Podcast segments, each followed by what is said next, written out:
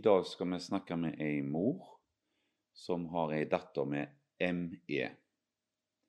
Vi får høre hvordan deres hverdag er, og hvordan det er å leve med denne alvorlige diagnosen. Ragnhild, kan du fortelle litt om deg? Uh, ja. Jeg eh, heter Ragnhild. Jeg eh, er alenemor. Jeg har tre barn. Jeg har um, en tenåringsdatter som har ME. ME, du må få fortelle litt mer om. Hva er det for noe? Det, de kaller det utmattelsessyndrom. Er det en korrekt beskrivelse av liksom, et alternativ ord til det? Eller jeg det føler at det blir ikke helt korrekt. Ja. For det er en sykdom som eh, går egentlig på hele kroppen. Da. Det er ikke bare det med utmattelse. Ja. Um, men det er utrolig mange symptomer som følger med en ME-sykdom. Uh, det, det, vanskelige er jo det at vi ikke kan finne ut hva det skyldes. Um, så det finnes per i dag ikke noe behandling for ME. Men det er dattera de som har dette, og når oppdaga dere symptomer på det? Uh, hun begynte å bli syk i syvende klasse uh, på høsten. Um, da begynte hun å um, få litt sånne små symptomer som egentlig kunne bety veldig mye forskjellig. Så det gikk jo en stund før vi fikk eh, svaret. Eh, hun ble utredet på Haukeland eh, våren 2016. Eh, da var hun en uke på barneklinikken eh, og fikk, eh, fikk da diagnosen ME. Ja. Mm. Hva innebærer det å ha en sånn diagnose? Hvordan er hverdagen? Hverdagen er veldig isolert for uh, hun. Um, det er en veldig Altså, det er en diagnose som svinger veldig i, i formen hennes. Um, hun kan ha gode dager, dårlige dager. Uh, og det som er på en måte en av de eh, hovedsymptomet med ME, som på en måte alle ME-pasienter har, det er det som heter PEM. Som da er en sånn type anstrengelsesutløst eh, symptomforverring. Um, og det kan komme etter fysisk, eh, psykisk belastning. Um, det er ikke alltid godt å vite hva som hva som på en måte utløser Hva som trigger Ja, det, det trigger vel en, eh, en tilstand? Ja, altså det eh, Det med PAP. Eh, altså det kan utløses av både mental, fysisk og følelsesmessig belastning. Hva skjer med henne? Da får hun symptomforverring. Um, da kan hun bli um, bli totalt sengeliggende i en dag, noen dager, en uke, opptil flere måneder. Um, flere måneder? Ja. Uh, hun deltok i konfirmasjonen til uh, broren. Uh, da var det veldig tilrettelagt for henne. At hun hadde et rom hun kunne legge seg på og trekke seg tilbake. Hun var kun med på selve festen. Og det førte til at hun lå på et mørkt rom i fire måneder etterpå. Oh. Ja, da er det ikke skolegang eller noe sånt mulig? Nei, hun har ikke vært uh, på skolen siden uh, Eller hun har egentlig ikke gått uh, ungdomsskolen og har per i dag permisjon fra videregående skole. Mm. Ja. ja. Så livet, livet, på mange måter passerer forbi for henne? På mange måter? Ja, livet er på en måte helt på vent eh, for henne og for oss. Egentlig Dette er jo noe som går utover hele familien. eh, hele dynamikken, familiedynamikken, eh, har jo endret seg i forhold til eh, det å ha et kronisk sykt barn. Mm. Mm. Og det har også vært vanskelig eh, det å bli trodd i forhold til den diagnosen. Og det er lite kjennskap om det både i blant folk flest og i, også blant leger. Der er det ikke alle som, som vet så mye om det. Ja. Um, vi har vært heldige og har fått oppfølging fra en eh, veldig flink lege på Haukeland, Mm. Sommerfelt. Ja. Mm. Han er jo veldig dyktig på, på området og har drevet forskning på ME i 20 år. Men så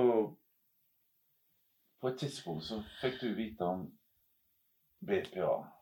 Husker du Husker du det? Jeg husker det. Jeg, eh, jeg er med på en del eh, grupper på Facebook. Ja. Eh, Pårørendegrupper til ME og sånne ting. Da blir det litt diskusjoner om BPA. Eh, Så da begynte jeg å bli litt nysgjerrig på dette her, hva det handlet om. Mm. Mens du fant ut at kanskje dette kunne vært noe for datteren din? Ja, absolutt. Eh, både for hun og for oss, hele familien. Egentlig. Ja, fordi når hun har den sykdommen hun har, så blir det vel, sånn som jeg ser det, kanskje en veldig stor belastning, spesielt på deg som mor.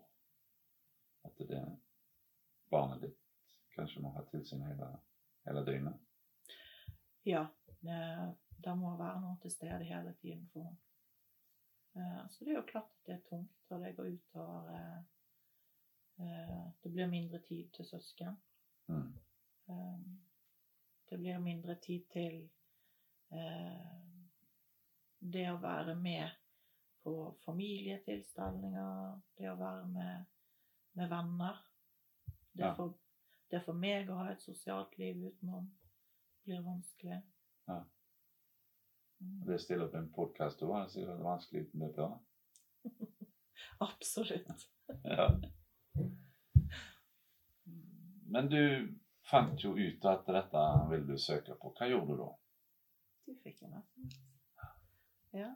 Det var vel begynnelsen? ja, for jeg hadde en eh, Jeg har en bekjent Ja. som eh, kjenner en som jobber i MIO. Ok. Det var sånn jeg fikk kjennskap til eh, MIO. Ja. Mm. Og da kan vi jo se litt på hvordan MIO jobber når det gjelder søknader. Hva, hva blir neste steg etter den SMS-en? Da hadde jeg et møte med Ja, deg. det var meg. Det var deg. ja. Mhm. Hvordan opplevde du det møtet? Eh, Det var et veldig bra møte. Jeg fikk eh, jo, Det var jo et kartleggingsmøte eh, sammen med deg, da. Ja. Det var et veldig, veldig bra møte. Jeg ble møtt på en veldig ok måte. Eh, respektfullt. Mm. Jeg følte jeg ble skikkelig hørt Mm. på det jeg hadde å si. Og på vår situasjon, og på, på datteren min sin situasjon, og på hva vi hadde bruk for. da. Ja. Mm. Ja, så Formålet med et sånt møte, som du sikkert vet, det var jo at vi må ha den informasjonen vi trenger for å kunne skrive søknaden. Hva skjedde så? Husker du det? Eh, etter det så um, Nei, hva skjedde så? Nei, Da fikk du et søknadsforslag. Ja, det gjorde jeg. Ja. Ja, det gjorde jeg. Ja. Ja, ja, ja. Ja, da fikk jeg et uh, forslag til søknad, Uh, som du da hadde skrevet. Ja. Mm. Finpusset vi litt på det, Mm. og så ble det sendt inn til kommunen. ja. Mm. Så etter at du da hadde sendt inn søknaden, så fikk du beskjed fra kommunen. Hva var det for noe? Da skulle kommunen komme på hjemmebesøk eh, for å ta et eh, vurderingsmøte eh, og møte datteren min. Og gå igjennom en del ting i forhold til den søknaden. Det husker jeg var litt spesielt, fordi du Jeg sitter i rullestol, Ja. og du har et, en bolig som ikke er tilgjengelig. ja, det stemmer. Mm. Men kommunen de eh, tok ikke noe hensyn til at jeg satt i rullestol. Nei, det gjorde de ikke. De eh, krevde å få komme hjem. Eh, det var veldig viktig i forhold til søknaden. Å vurdere på en måte hele hjemmesituasjonen vår. Ja. Mm. Men heldigvis hadde jeg en kollega som, eh, som stilte opp eh, mm. som representant for meg. Ja, heldigvis. Ja. Men eh, Bergen kommune de vil ha et møte til, Mm. stemmer ikke det? Mm. Og det kunne de ha på en annen lokasjon. Ja. Da fant de et lokale som eh, passet for alle, Ja. Sånn at alle kunne være med. Hva skjedde i det møtet? Jo, da hadde jo jeg med meg eh, to stykker fra MIO. Det var jo deg Ja. og Tonje. Ja. Eh, Det er jeg utrolig glad for. Um, eh, Jeg hadde jo også med koordinatoren fra ansvarsgruppen i det møtet. Ja. Um, Og det, var, det er en veldig god støtte å ha med folk som, som kjenner datteren min, som kjenner hele situasjonen. Um, For det, de møtene med kommunen, de kan være ganske tøffe. ja, det ble jo et tøft møte òg. Ja, det ble det. Selv om vi da var to stykker fra Mio og deg, Mm. så allikevel så Mm. eh, er det gjerne sånn at kommunen helst ikke vil, følte vi, gi BPA. Nei, de vil jo helst eh, gi andre typer hjelp Ja. enn BPA. Ja. Mm. Så jeg, eh, jeg sitter igjen med oppfatningen av at de er lite villige til å um, se, se situasjonen og se den diagnosen der. Ja. For ME er er kanskje en diagnose som ikke er så håndfast som, som det kanskje er lite kjennskap til. Mm.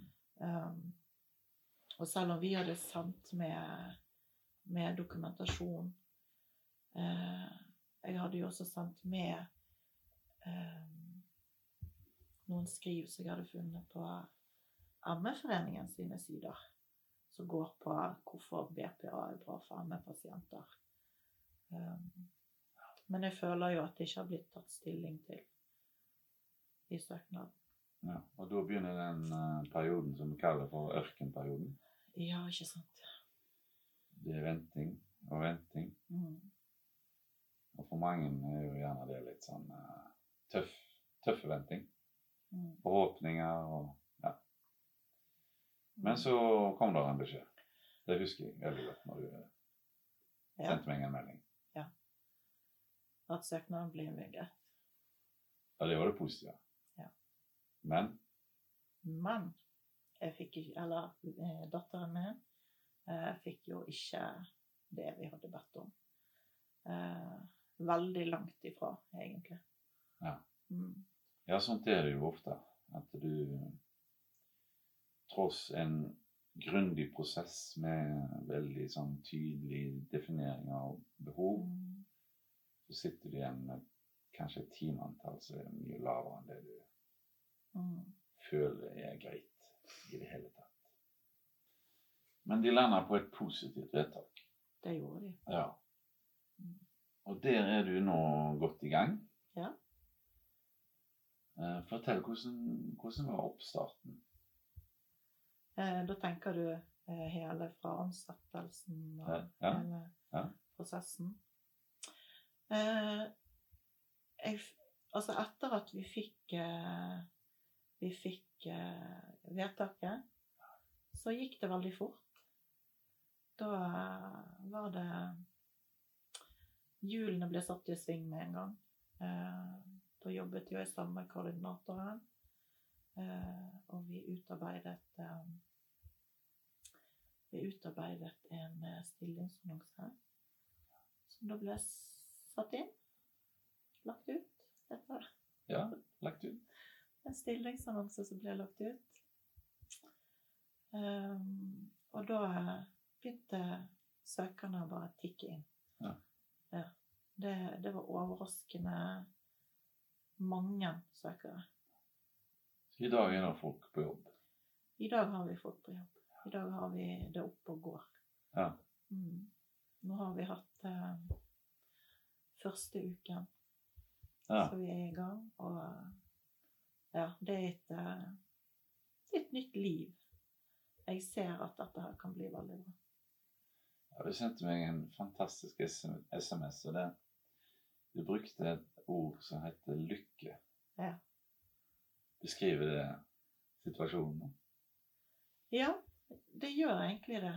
Um, For det er noe med å kjenne på den frihetsfølelsen eh, for meg som mor i det å ha noen hjemme som eh, bidrar med den tryggheten og den stabiliteten som min datter har bruk for. Som da gjør at jeg kan ta den turen eh, når det passer.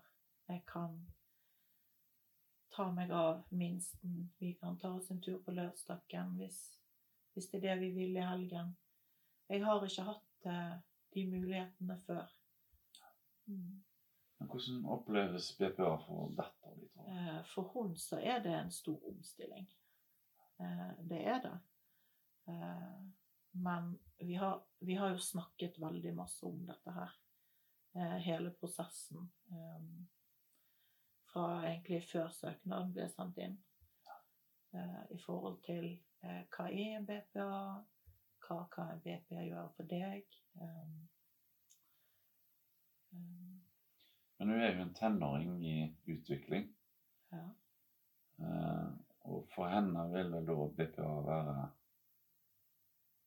det hjelpemiddelet som erstatter mamma? Absolutt. Det å eh, føle på en sånn uavhengighet som en 16 år Nei, jeg skal ikke si 16 år. Eh, Det å føle på en sånn uavhengighet som en tenåring skal. Eh, Det å kunne gjøre ting uten å ha mamma på slep. Det er kjempeviktig. Mm. Ja, det er jo en sånn prosess alle tenåringer går gjennom, men eh, med BPA så får hun den utviklingen hun fortjener. Ja, Er det absolutt. rett betraktning? Absolutt. Ja. Mm. Hvordan ser du framtida med BPA? Altså, Hun har jo en alvorlig diagnose, men tror du det kan bidra til at hun får et mer verdig liv? Absolutt, det tror jeg. Um, Det å ha den Det å ha få personer inne, eh, altså personer som hun blir godt kjent med, som er der over tid, som kan følge henne over tid, som blir godt kjent, som eh, lærer å lese de signalene hennes på eh, hva er en god dag, hva er en dårlig dag.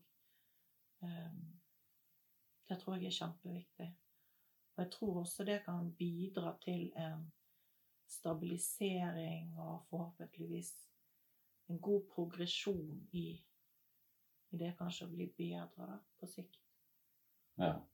Mm. Det er rett og slett et, et verktøy for at hun på mange måter kan eh, få mindre symptomer. Ja, absolutt. Ja. Mm. Og det å, få, det å få inn assistenter så du får lært godt opp, eh, som lærer å kjenne brukeren godt, Mm. eh, og det at det, du, følger, du følger opp så tett, og du blir så, det blir så nært. Det blir på en helt annen måte enn andre hjelpere som kommer inn utenifra. Mm. Ja, så er det. Så absolutt. Hva vil du sagt til andre som lurer på å søke BPA? Søk. Ja. Ja. Det er bare å søke. Du er ikke i tvil? Jeg er ikke i tvil. Nei, overhodet ikke. Og får du et avslag, så bare klag. Mm. Ja, tusen takk, Ragnhild, for å dele din historie. Det er rørende å høre at uh, livet kan bli bedre. Så jeg ønsker deg virkelig lykke til med den nye BPA-ordningen. Så må jeg jo si du har jo en liten klagesak på gang, Ja, Det har jeg. så kanskje vi får på plass de timene Mm. som gjør at vedtaket blir enda bedre. Ja, det blir spennende å se hva, hva utfallet blir. Jeg ønsker deg lykke til med det. BPA trenger ikke være vanskelig. Vil du vite mer? Besøk oss gjerne på miobpa.no.